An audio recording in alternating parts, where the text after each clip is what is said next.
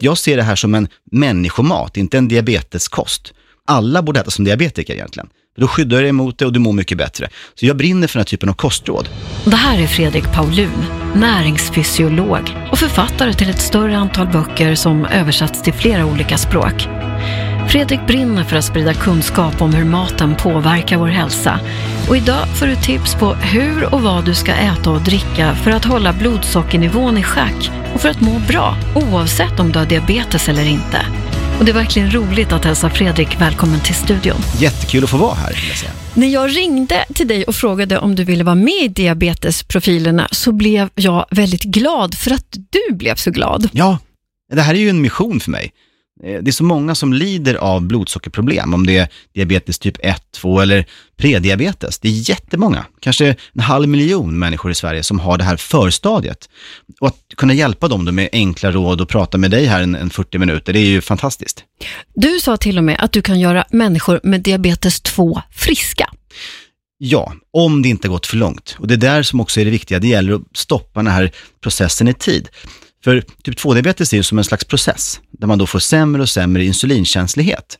Och när det är dåligt, när det är på en nivå då som man har 6,0 i fastglukos som det kallas, då är man per definition sjuk. Men 5,9 är inte heller bra. 5,8 är inte heller bra. Och har du 6,1, du kan fortfarande backa och gå ner till lägre nivåer.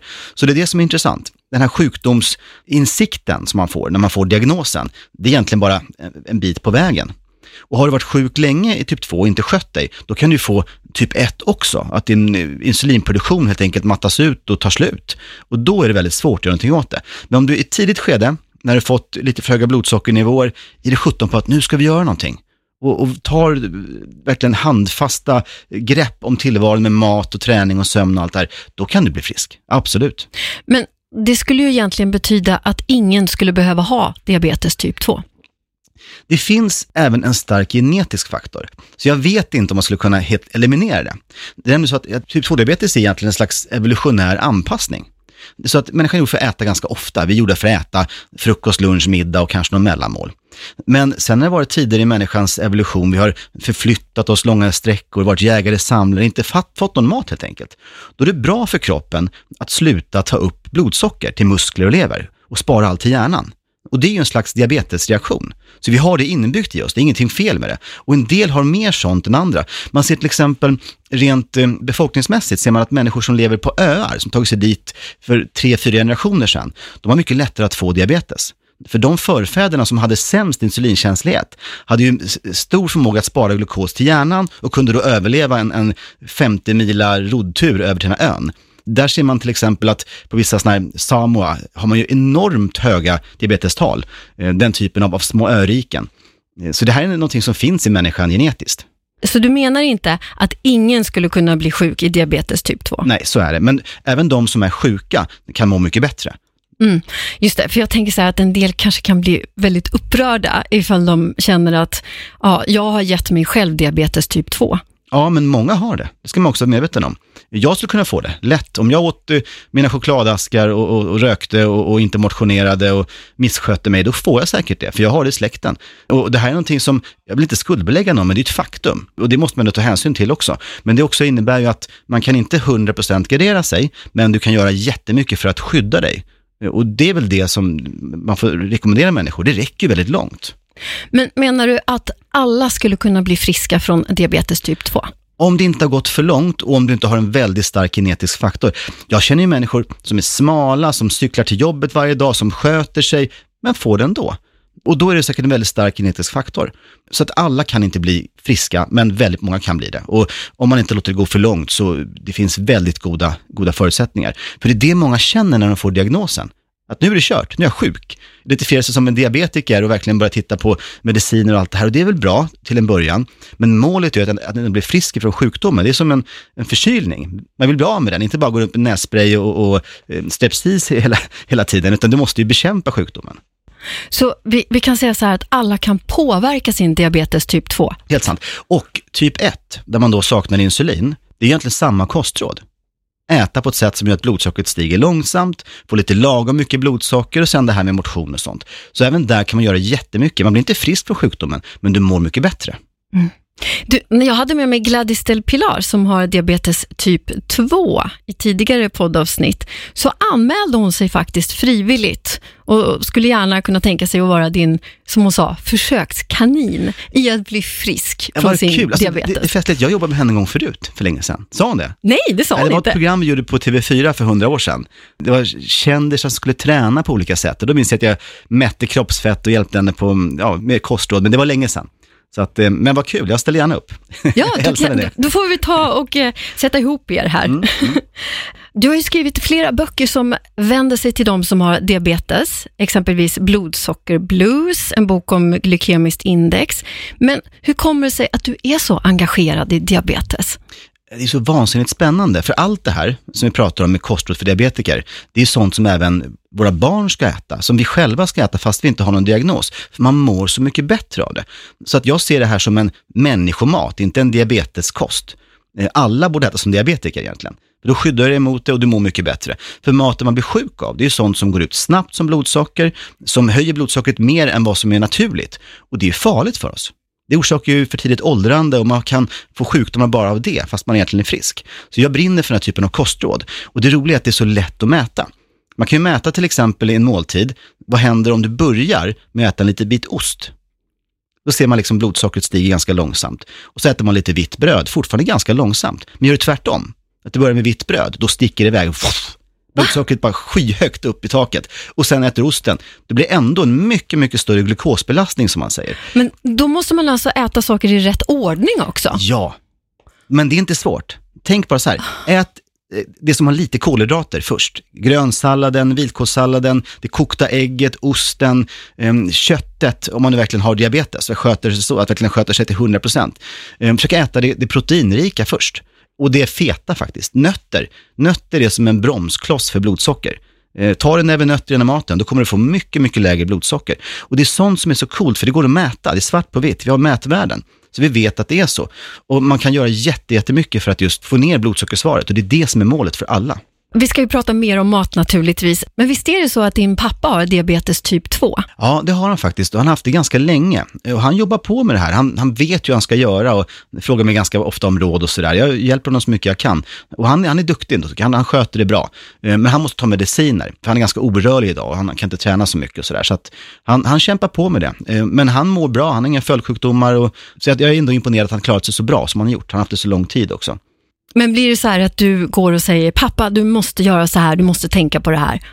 Jag gjorde det i början faktiskt, när jag fick höra att han hade det. Då var jag väldigt stressad. För jag vet ju att det är en sjukdom, om man inte sköter den så kan den bli väldigt allvarlig och svår. Men, men nu känner jag att han gör så gott han kan och jag vill inte heller förstöra vår relation med att sitta och tjata på honom. Jag är, jag, är, inte- jag är inte hans läkare, jag är hans son.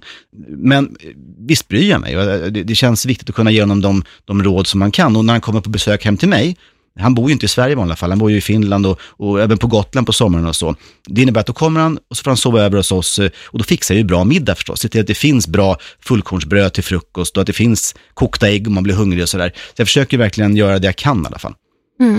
Jo, du pratar om det här med ordningen. Man ska äta låga kolhydrater, långsamma kolhydrater först och det feta. Framförallt lite kolhydrater. Gärna långsamma också, men lite kolhydrater. Att börja med en grönsallad. Börja måltiden med det, som man, som man gör i många länder. Man får en liten salladsskål så innan maten. Det är perfekt.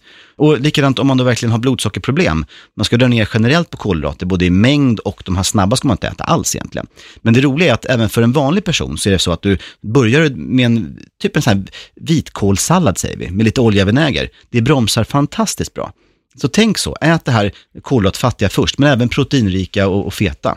Ordningen spelar roll. Ordning alltså. spelar roll. Och till exempel ska jag ha ett mellanmål, kanske tar en kycklingklubba grillad, så äter jag den, och sen tar jag en banan efter det. Då får jag liksom rätt kombination i rätt ordning. Och det här låter kanske komplicerat att tänka så här, men det blir naturligt när man vant sig. Då får du långsamma kolhydrater, du står dig mycket bättre och kroppen mår bättre. Du och jag har ju mötts i ganska många olika radioprogram under ganska många år, så du vet ju faktiskt en del om mina matvanor. Exempelvis att jag inte kan äta frukost. Och apropå ordningen där, har jag större risk att få diabetes typ 2 om jag hoppar över första målet med mat på dagen? Det, det vill jag inte säga. Problemet är att fasta för mycket, att äta för sällan, det triggar den här insulinokänsligheten. Det triggar alltså det som ger diabetes. Så det är inte bra att äta för sällan, men om din kropp säger dig med, med stora bokstäver att ät inte frukost, du är inte redo, då ska du inte göra det tror jag. Då tror jag att din kropp behöver de här timmarna på sig att reparera tarmen och allt som händer efter du vaknat. För när man, man sover, då är kroppen inne i vila, även tarmkanalen. Den repareras och det, till och med dina tarmbakterier sover kan man säga. De, de ligger i, i dvala, gör inte så mycket. Eh, och det innebär att du känner kanske då att du ska inte äta frukost. Men när kan du äta Charlotte? Vilken tid? När kan du liksom ta den här lilla skålen med gröt? Ja, men kanske efter tre timmar. Och det är klockan? Ja, det är ju lite olika. Men säg att man går upp sju, Ja. åtta, nio, tio. Ja, men vid tio tiden kan jag Men äta det är väl någonting. alldeles utmärkt. Då kör du din frukost för tio. Det funkar. Det är Ja. inga problem. Du behöver inte äta direkt när du vaknar. Och det är det som många människor får en stress utav. Men det är fortfarande frukost. Det är breakfast på engelska, bryta fastan. Och det gör du ju då istället.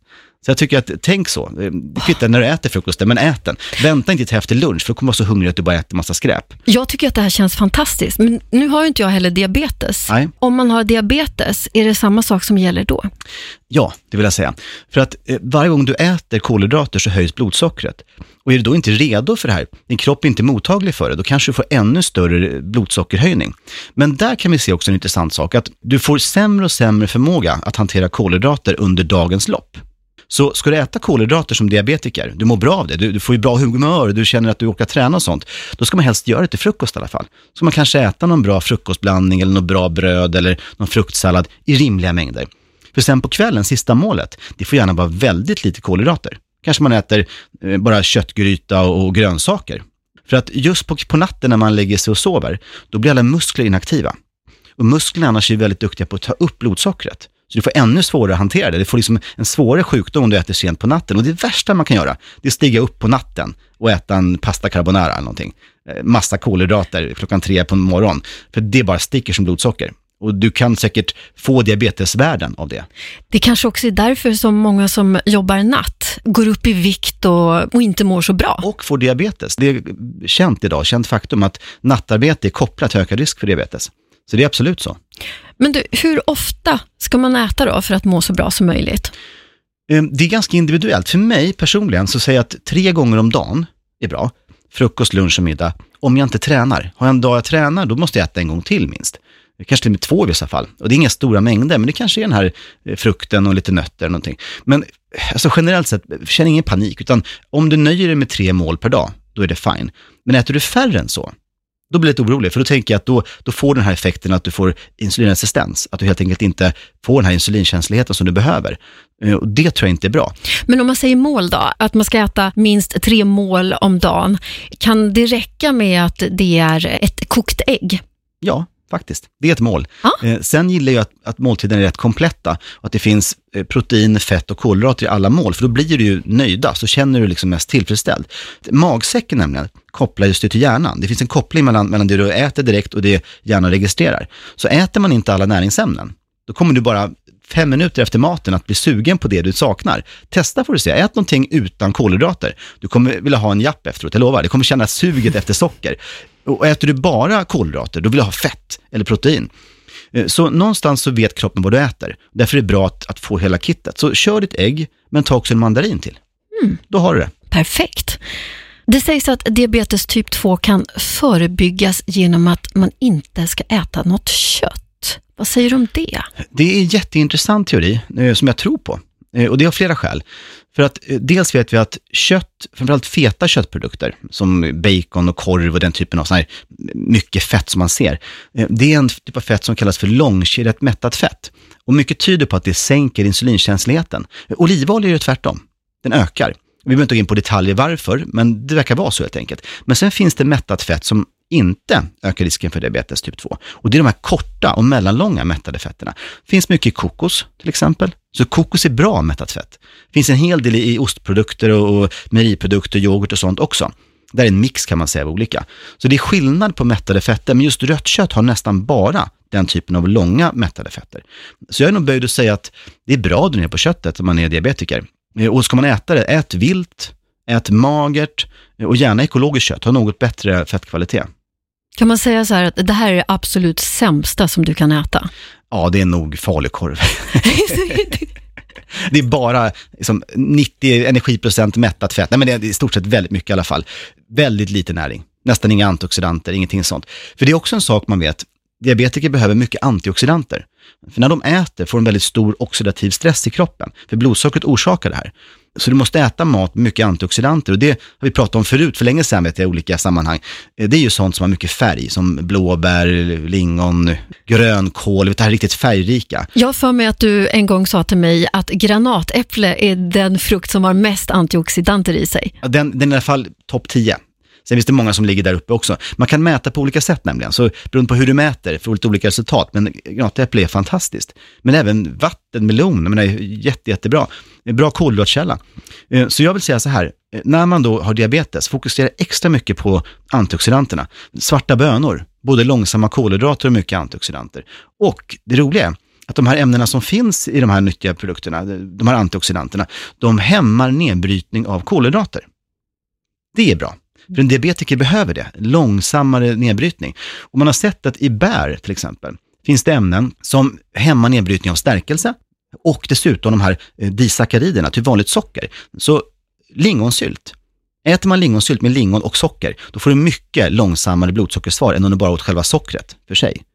Så lingonen mm. bromsar. Även om det är samma mått utav eh, socker? Exakt, exakt, mycket långsammare. Och det här är så coolt. Det är nämligen, man har kollat upp exakt varför det är så här. Och det hämmar då enzymer som bryter ner kolhydrater. Och det är exakt samma sak som diabetesmediciner gör. Men utan biverkningar. Så blåbär är medicin. Blåbär och lingon ska vi äta mycket Ja, mycket. Av. Hallon, jordgubbar, björnbär, svartvinbär, allt det här som är mycket antioxidanter. Men du, ifall man faktiskt blir jättesugen då på godis, smågodis. Är man diabetiker, då vill jag säga så här, om man äter det så kommer det att kosta. Det kommer, det kommer påverka hälsan väldigt negativt. Gör det inte. Om du vill ha någonting, ät lite choklad i sådana fall. I alla fall mycket, mycket långsammare blodsockersvar. Det är rätt kassa fetter, det är mycket långkedjat mättat fett i, men det är ändå bättre än att äta socker. Alltså, smågodis är ju bland det värsta man kan äta egentligen. Eh, gör hellre en, en fin dessert, en panna cotta, något som är lite fett i, som man kanske kan göra med råsocker istället för vanligt socker. Det är i alla fall lite bättre. Du kanske kan använda honung, det är också lite bättre än vanligt socker. Du kanske kan använda kokossocker, det är också lite bättre. Lönnsirap. Så tänk till, ät inte smågodis, för det är bara skit. Alltså det, det är socker och tillsatser. Det är massa radikaler, inga antioxidanter, bara skräp. Hur är det med alkohol då? Alkohol är ganska kontroversiellt, Eh, för där är också skillnad på typ av alkohol. Dricker du rödvin, då ser man att det kan skydda mot diabetes. Så dricker man så här ett, två glas, då får man en klart lägre blodsockernivå. Och det här är också intressant. Varför är det så? Det kan vara att antioxidanterna bromsar nedbrytningen av kolhydrater, men man tror också att själva alkoholen faciliterar, hjälper eh, glukos att gå in i musklerna och levern. Så man får mycket långsammare blodsockersvar. Men dricker man ren sprit, särskilt stora mängder, då kan du snarast öka risken för diabetes. Så det handlar om att då blir det en gifteffekt, då får du mycket radikaler av själva spriten. Så man ska inte se alkohol som medicin, men vill man dricka alkohol så tycker jag ett eller två glas vin per dag, det är alldeles utmärkt. Får man dricka det varje dag?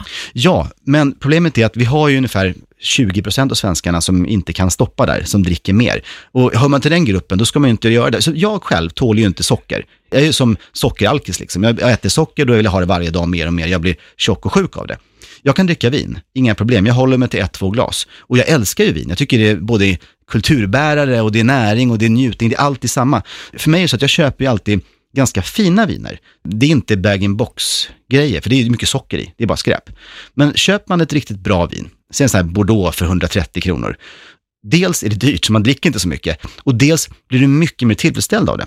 För smakerna är så komplexa. Det är 10-20 lager av smaker, massa grejer som händer i hjärnan. Så du känner dig tillfredsställd och nöjd. Eh, och det är det som är så intressant med mat med lite komplexitet. Det är lika med eh, lagrad ost, det är jättebra, du äter inte så mycket av det. Ehm, Hängmurrat kött, samma sak där, det är komplext och eh, avancerade smaker. Riktig frukt, samma sak. Geléhallon, det är bara en enda smak, aromämne. Påminner om hallon, men det är inte hallon. Däremot äter du hallon, då äter du kanske en handfull och då är du nöjd. Så med vin är det samma sak. Köp då vin som har mycket smak, mycket karaktär och drick lite lagom. Då är det väldigt tillfredsställande. Alltså jag håller ju med där, när du mm. säger det här att det ska vara bra. Mm. För att det är fler saker som attraheras på något sätt. Man ja. blir attraherad av fler saker. Ja, det, det, är så kul också, för att det här är ju en intellektuell upplevelse att känna smaker. Och man har ju sett i studier att det är ungefär samma sak som att lösa sudoku eller någonting. Alltså hjärnan blir bättre om du får mycket smakupplevelser. Så att vara sommelier, tror jag, det blir man ganska smart då, så länge man dricker lite lagom så. Du aktiverar olika delar av hjärnan som du kanske inte aktiverar i vanliga fall och du får ett väldigt komplext påslag av, av, av neuroner. Så jag tror att det är klart underskattad mental stimulans.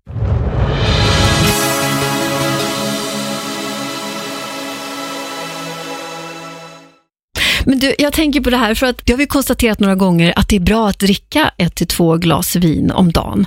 Men hur stort är ett glas egentligen? Jag tänker på, du vet de här gamla fina vinglasen mm. från 70-talet. Då är det inte så mycket där i. Nu nej, är de nej. större och större de här vinglasen. Alltså det här är ju definierat olika studier ska jag säga. Och det är roligt att franska studier har mycket större glas än andra studier. Det är för att man dricker mer vin generellt sett. Jag kan säga så här, jag definierar ett glas som ungefär två deciliter ungefär. Så det är väl fyra deciliter max för en, för en man. En kvinna ska dricka ungefär hälften utan att då ta någon som helst skada. Sen finns det ju en marginal i det här, man är olika känslig. För det är också en genetisk faktor hur mycket du kan bryta ner. Eh, och då ser man att olika folkslag har sämre förmåga, generellt sett har asiater sämre förmåga att bryta ner alkohol. Det är därför som sake är mycket svagare alkoholhalt än brännvin. Man tål helt enkelt mindre, oftast i, i Asien till exempel. Så det finns en skillnad där också, så man är individuell. Men mår man, man bra av att dricka ett eller två glas och inte får baksmälla, ingen migrän, inget sånt där, då tror jag att det bara är nyttigt. Och om man har diabetes så är det bra framförallt med rött vin. Rött vin är bäst, ja. men även faktiskt vitt och även till och med bubbel har de här effekterna på blodsockret. Så mm. länge det inte är söta viner. Men jag tänker samtidigt så är det ju också så här, om man dricker alkohol och känner av det, mm. så kanske man inte blir lika uppmärksam på ifall man skulle få en känning. Nej, det har ju rätt i. Om man nu liksom blir lite avdomnad och så, det är absolut, så är det. Så man ska göra under kontrollerade former om man nu vill dricka. Sen är inget måste. Du kan dricka blåbärsjuice, 100% blåbärsjuice istället. Då får du de här effekterna med bromsande blodsocker, du får alla antioxidanter och det är också väldigt komplexa smaker. Det påminner ganska mycket om rödvin, men det har ingen alkohol i sig. Det är jättebra som alkoholfritt alternativ om man vill boosta antioxidanterna. Sen finns det ju mer sådana här smakupplevelser, som mörk choklad till exempel. Också väldigt komplext och intressant. Man kan testa sig fram och köpa sina favoriter och äta tre praliner och ganska, ganska nöjd av det. Och kaffe, som jag fick av dig här ute, färskbryggt eh, med hela bönor, även det är väldigt komplexa smaker. Och det får man dricka. Kaffe och te, det är bra mot diabetes. Ja, men jag har hört att det till och med kan minska risken för diabetes typ 2. Stämmer det? Det stämmer. Det finns en, en enorm studie som Walter Willett gjorde på Harvard för några år sedan. Eh, han är känd epidemiolog som brukar göra sådana här intressanta studier och kolla på vad händer när man dricker kaffe. Och då tog han fram all forskning som hade gjorts fram till det datumet och, och hans team då var det förstås, inte han personligen. Men de summerade effekterna. Och då såg man att varje kopp man drack, av ungefär den här storleken, ett par deciliter, eh, skyddade eh, minskade risken för typ 2-diabetes med 7% i snitt. Och det var ganska, ett ganska rätlinjigt samband. Så drack man fem koppar, det var 35 mindre risk. Men är det fem koppar om dagen man ska dricka? Jag kan inte dricka så mycket, då blir jag alldeles stissig. Jag dricker två. Precis, jag kan bara dricka en ja. kopp kaffe. Men gör det någon skillnad? Ja, 7% mindre risk. Även med en kopp kaffe? Absolut. Men det är alltså att man inte ska överskrida fem koppar? Ja, men säg så här, du kan säkert dricka tio koppar. Det finns studier från Finland där man druckit tio koppar. Och för mig skulle det vara helt otänkbart, jag skulle, jag skulle bli sjuk av det. Ja. Jag skulle bara skaka och inte kunna prata. Eh, ja. Men någon gör det tydligen och även där ser man en ökad skyddseffekt. Men det här är ju det här är liksom bara hypotetiskt, för jag kan inte dricka så mycket. Så då tänker jag så här, då dricker jag en eller två koppar, mm. men sen skarvar jag i med lite te. Det är mycket mildare koffein och har ungefär samma skyddseffekt. Ja, för det var min nästa fråga där. Är det lika bra effekt med te? Nästan. Där har du antioxidanterna, du har det här naturliga koffeinet och det här är så intressant också. För koffein är ju en, en substans som egentligen är ett växtgift. Det finns i växterna för att inte vi ska äta upp dem. Vi ska bli stissiga och galna utav det och känna att det är obehagligt. Få kräkningar och så. Men människan har lärt sig hantera det här och vi får till och med en stimulans av det. Vi får ett påslag av dopamin, vi får liksom en lustupplevelse. Och då ser man att eh, när man konsumerar naturligt koffein, som i kakao, kaffe, te, guarana och sånt som finns också, kolabönor, kola nuts heter det, kolanötter. Ehm, då ser man att de här är nyttiga. Det koffeinet kommer i ett sammanhang med mycket antioxidanter och skyddar mot diabetes. Men tar man det i raffinerad form, syntetiskt koffein, som är koladrycker, ehm, energidrycker, piller med, med koffein, då sänker insulinkänsligheten. Det alltså snarast ökar risken. Mm. Så någonting händer där. Jag tror att det handlar om att antioxidanterna är borta och du får massa annat skräp också. Du får ju socker. Speciellt i, i de här energidryckerna och, och den här läsken då. Men även light-varianterna ser man gör det här. Så jag är ganska orolig för det. Man ser att om du konsumerar regelbundet, säg ett stort glas cola, i en månad, då kan du sänka din insulinkänslighet med uppåt 20-30 procent. En väldigt frisk människa. Och det är så dramatiska effekter. Hmm. Så man ska inte dricka koladrycker och energidryck. Nej, men kaffe går bra. Kaffe, te går bra. Ja. Mm. Men jag tänker på, vi var inne på det här med vilken ordning man ska äta saker. Spelar det någon roll vilken ordning man dricker kaffe och te på?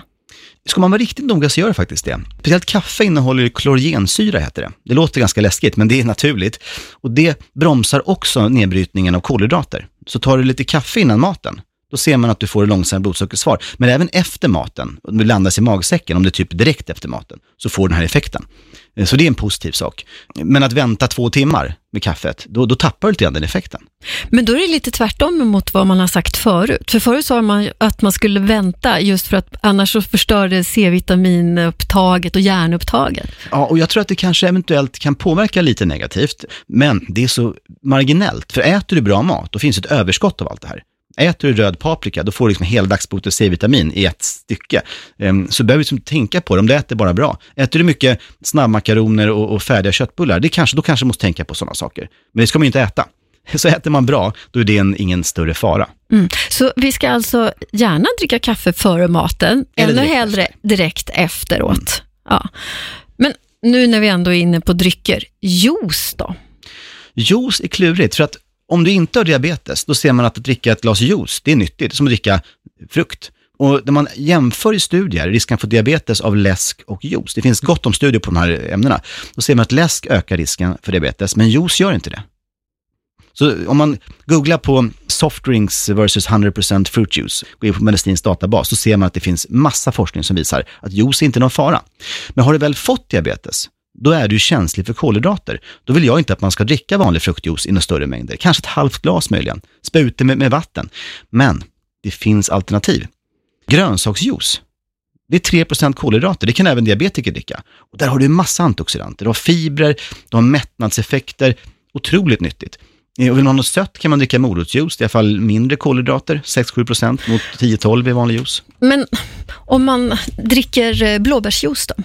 Ja, det är också ganska lite kolhydrater i. Det brukar ligga runt 5%. Bär är mycket mindre än frukt. Eh, så att det tycker jag är helt okej. Helt okej alternativ. Sen att dricka vatten är väldigt bra. Så dricker man ett glas vatten innan maten, då ser man att man spär ut alla magsafter, enzymer och allting. Och även det bromsar blodsockersvaret. Och det här är jättegamla studier, man vet om det här i 30 år, att det är bra att dricka vatten före måltid. Och det är ju för oss allihopa. Ja, det är för oss allihopa. Ja. Men vad är den största skillnaden mellan att äta som en person som har diabetes eller bara äta nyttigt? det är att den som har diabetes är ännu känsligare för kolhydrater. Så man ska äta långsammare men också mindre mängd. Är man frisk, då kan man äta ganska mycket råris och mycket fullkornsbröd. Det är ingen större fara. Men har du diabetes, då är det ju, vad man sa förr i världen, sockersjuk. Man blir sjuk av sockret. Och alla kolhydrater blir blodsocker. Så det är det som är skillnaden. Då ska man äta mer av de här kolhydratfattiga alternativen, eh, som proteinrik mat, fisk, eh, kyckling, allt det där. Men också mer fett, som olivolja, avokado, nötter, rapsolja, den typen av fetter. Eh, sen kan jag säga också att, eh, att ta bort kolhydraterna helt tror inte jag på. Man kan gå ner till runt 20% som diabetiker, Eh, men det är fortfarande en viss mängd kolhydrater. Tar du bort dem helt, då kommer det här jägar-samlar-grejen igång igen. Att då har du brist på kolhydrater. Det kommer igång en stresssituation i kroppen, dina stresshormoner stiger, din insulinkänslighet sjunker ytterligare. För din kropp vill överleva den här steppvandringen, det är den ute efter, den får inga kolhydrater. Så att äta minst 20%, och det är ju ändå en liten eh, klick eh, mathavre eller en liten skål råris till varje måltid, då är det bra. Du var inne på det förut, men är det exakt samma råd för den som har typ 1 och typ 2 diabetes? Eller finns det någonting som skiljer sig Det, åt? det som skiljer, det är att typ 1 är egentligen mycket känsligare. För att där ställer man ju in medicinen eh, efter glukosbelastningen. Så om du drar ner på kolhydraterna, om du äter mycket långsamma kolhydrater, då kan din medicinering bli för stark. Du kan hamna i, i liksom blodsockerbrist, du kan få hypoglykemi som det heter. Och Det är jättefarligt. Du, kan ju alltså svimma, du kan dö av det i värsta fall. Det är ju väldigt sällsynt som tur är, men det är en potentiell risk. Så när man gör kostomläggningar för en typ 1-diabetiker, då måste man vara väldigt noga med att, att följa upp det här och mäta och anpassa medicinering. För en typ 2, där är det inte lika känsligt, inte lika superkänsligt. Så att det är en skillnad. Det innebär att man ska vara mer försiktig som typ 1 när man gör kostförändringar. Men jag vill säga att, att även de ska göra det. Även de ska se till att, att äta all den här nyttiga maten, lagom mängd kolhydrater och gärna motionera.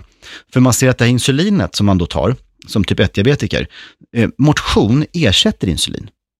Det är en direkt ersättningseffekt. Eh, för när man rör på sig, då tar man upp blodsocker utan insulin. Så om man är ganska aktiv och är det kontinuerligt, man tar den här promenaden varje dag, då kan man minska medicineringen och ändå få samma blodsocker. Och det är bra både för typ 1 och typ 2, men just typ 1 är det ju så väldigt uppenbart. Du kan minska med ett antal enheter per dag, din medicinering. Och jag har förstått att det är väldigt stor skillnad på vad man tränar och att det är också individuellt från person till person. Så är det, absolut. Och jag tror att det bästa är att kombinera lite styrka, lite kondis, eh, även yoga funkar faktiskt. Eh, och till och med stretching, alltså sån här autostretching, någon som stretchar åt dig, ser man också påverkar blodsockret.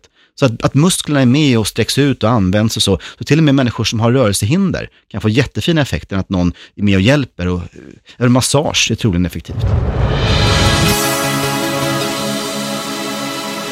Du, finns det något hemligt knep på någonting du vet, som man inte kan komma och tänka på, som en vanlig person som jag. Finns det något knep för att sänka blodsockret? Det finns ett knep eh, och det är att öppna kryddhyllan.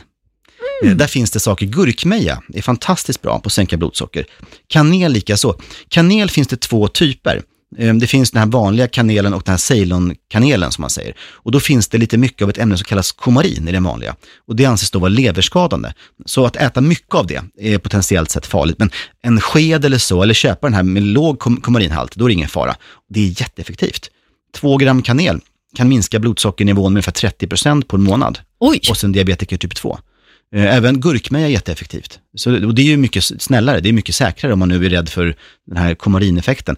Och jag tror personligen att de flesta kryddor med sina enorma antioxidantinnehåll kan ge den här effekten.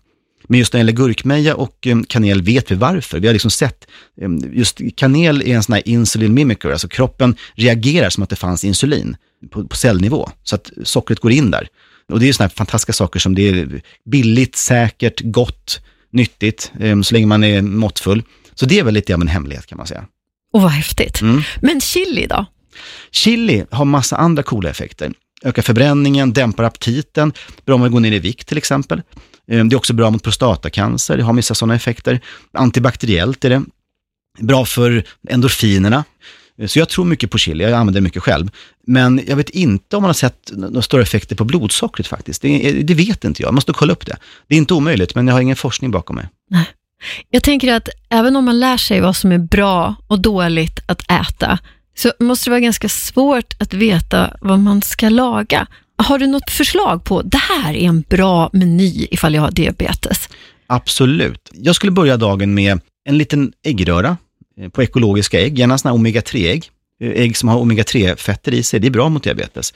Sen skulle jag ha kanske ett litet glas grönsaksjuice till det, så jag får lite kolhydrater, antioxidanter, te, kaffe. Perfekt start på dagen. Ehm, sen skulle jag nog gå in på lunchen och vill jag ha något mellan där, att jag känner mig lite småsugen, då är ju nötter väldigt bra. Och kanske ta ett äpple och så kanske ta tio valnötter, den storleksordningen. Perfekt mellanmål om man är lite sugen på förmiddagen. Sen som lunch, då skulle jag äta en del kolhydrater, men verkligen fokusera på de nyttiga. Som baljväxter, fullkornsprodukter. Mathavre är ju en sån här fantastisk, billig, nyttig kolhydratkälla. Även råris älskar jag och det här är ju coolt, där finns det ju svart råris. Det är ju antioxidanter. Och det är gott. Det är otroligt gott. Alltså det är en nötig smak, det är väldigt rik smak och det är kul att äta för det är ju becksvart. Det är väldigt snyggt. Ja, det är jättesnyggt. Så det, det är tips. Svart råris och så en, en liten kycklingfilé på det. Och Eh, det bästa är, sikta på mat med antioxidanter. Och då har ju majskyckling antioxidanter. Den är ju gul, för de äter ju majs och majs innehåller de här nyttiga antioxidanterna som skyddar mot diabetes. Och även eh, om man vill ha något kött, viltkött är bättre än vanligt kött. Men jag tycker man ska gärna dra ner på köttet just i det diabeteslivet. Eh, och sen är man sugen på eftermiddagen, då kan man tänka sig att man kanske kör en, en vitkålssallad med olja och vinäger. Det är, ju, det är ju väldigt gott. Det kan man stå under kylskåpet också. Det tål att stå några dagar och det är bara godare för varje dag som går. Det är ju en toppengrej. Sen till middag, då gäller det att dra ner på kolhydrater lite grann. Man kan köra lite kanske rotfrukter i ugn så man får någonting i sig, lite palsternacka, lite eh, rödbeta kanske. Eh, men sen köra ganska mycket protein. Torsk till exempel, jättebra. Det är magert protein. Så du kan äta ganska mycket, du får ändå inte för mycket kalorier. Sen kan man göra en liten sås med kanske olivolja, lite kapris och sånt på och verkligen göra en, en god rätt av detta. Och sen grönsallad, mycket grönsallad. För gröna blad innehåller liponsyra som också har man sett i studier hjälper mot diabetes. Så gröna blad är, är magiskt. Sen finns det en sak till som jag måste ta upp det här. Det, det här är också gamla kunskaper, men vi har fått en ny syn på det. Kör. Och det är när saker och ting är surt. Då kommer det också att bromsa nedbrytning av kolhydrater, eh, magsäckstömningen går långsammare, det är jättebra för diabetiker. Och det är stora, stora effekter. Så har du lite rödvinsvinäger på din sallad eller har lite citron på torsken, du kanske till och med dricker lite äppelcidervinäger till frukosten. Då ser man att även det ger mycket, mycket långsammare blodsocker. Så någonting syrligt till varje måltid, det är väldigt bra. Och det här är ju så gott också. Jag menar när man väl lagar mat, att få den här syran från någonting, eh, från citronen, från limen och så, det skapar en dimension till. Man ska ha det här salt, lite sött, lite surt och gärna de här smakerna i övrigt då. Om man nu har chili och kanske någon krydda och sådär. Eh, Men det är en bra kombination av smakelement. Så surt är väldigt bra. Eh, Man ska inte överdriva det, men, men en viss mängd är toppen. Även mjölksyrade saker. Yoghurt, det är också ett bra alternativ. Man ser att även surdegsbröd är bättre än vanligt bröd av det skälet. Jag börjar bli hungrig nu. Ja, eller hur? Det lät så gott det där. Dags för frukost kanske. Ja, ja, precis. Det börjar bli dags nu. Nej, men du, som du vet så älskar jag listor. Mm. Kan vi få en lista med punkter på tips till en person som har diabetes? Absolut, och jag älskar också det, för då kan man liksom wrap it up, man får en sammanfattning. Och det första är att äta riktiga livsmedel, att äta riktig mat. Sånt du känner igen och förstår vad det är. Alltså grönsaker, kött, fisk, ägg, allt det här som du liksom kan identifiera. Strunta i pulvervarianter och konstiga snabbvarianter och sånt. Det finns färgmat som är bra, men mycket är ju inte det. Så gör hellre en egen fiskgratäng än att köpa någon fryst. Och konsekvent eh, se till att få i sig liksom riktig mat, för där finns ju allting. De långsamma kolhydraterna, det finns protein, ofta ganska lite i sån massmarknadsmat, för det är en dyr råvara. Eh, det finns ju inget socker, för du sockrar inte själv i köttfärssåsen, eller hur? Eh, men det gör man om man- får en sån eh, burk från hyllan, då är det socker i ofta. Så det blir mycket renare mat och framförallt mycket mer antioxidanter. Den är färskare, det är bättre råvaror och det är grundbulten för att må bra, både som diabetiker och frisk. Sen att motionera, det här kommer nästan högre än maten faktiskt. För om man ska göra en enda förändring som diabetiker, då är det att röra på sig frekvent, om man då inte redan gör det. För det gör så mycket. Maten är också viktig, men, men motionen är fantastiskt viktig. Och hitta någonting som är kul. Det kan vara nästan vad som helst. Eh, det kan vara simning. Många tycker att schysst att eh, simma i en pool i eget tempo. Pressa inte dig själv, utan gör det på dina villkor. Men gör det frekvent och varannan dag eh, gör man det, då har man alltid en förbättrad insulinkänslighet.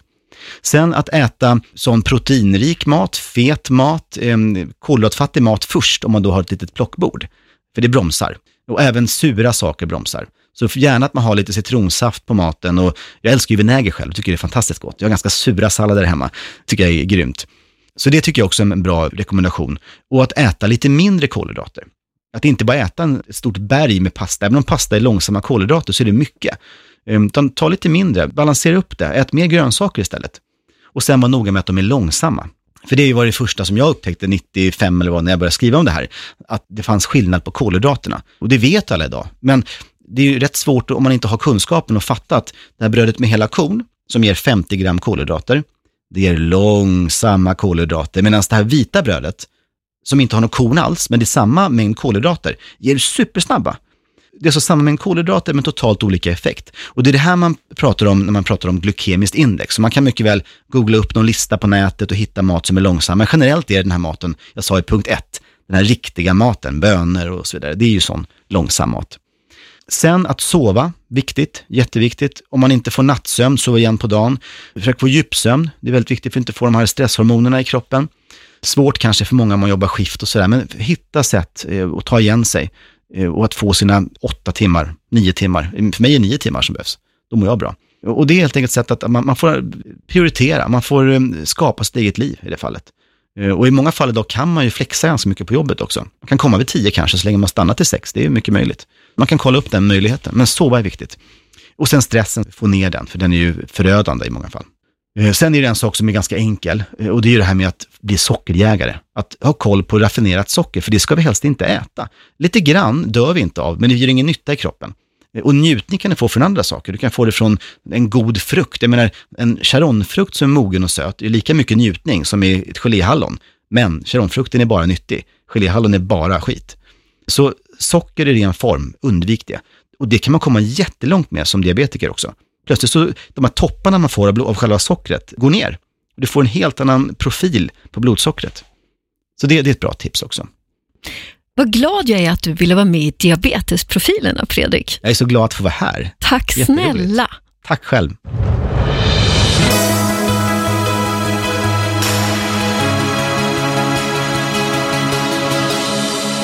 I Diabetesprofilerna nästa tisdag träffar vi Alrik Manell som fick diabetes typ 1 när han bara var två år gammal.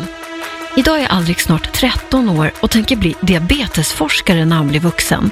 Han vill utrota sjukdomen så att alla med diabetes ska kunna leva som alla andra och bli precis det som de drömmer om. Hoppas vi hörs då. Produceras av I Like Radio. I like radio.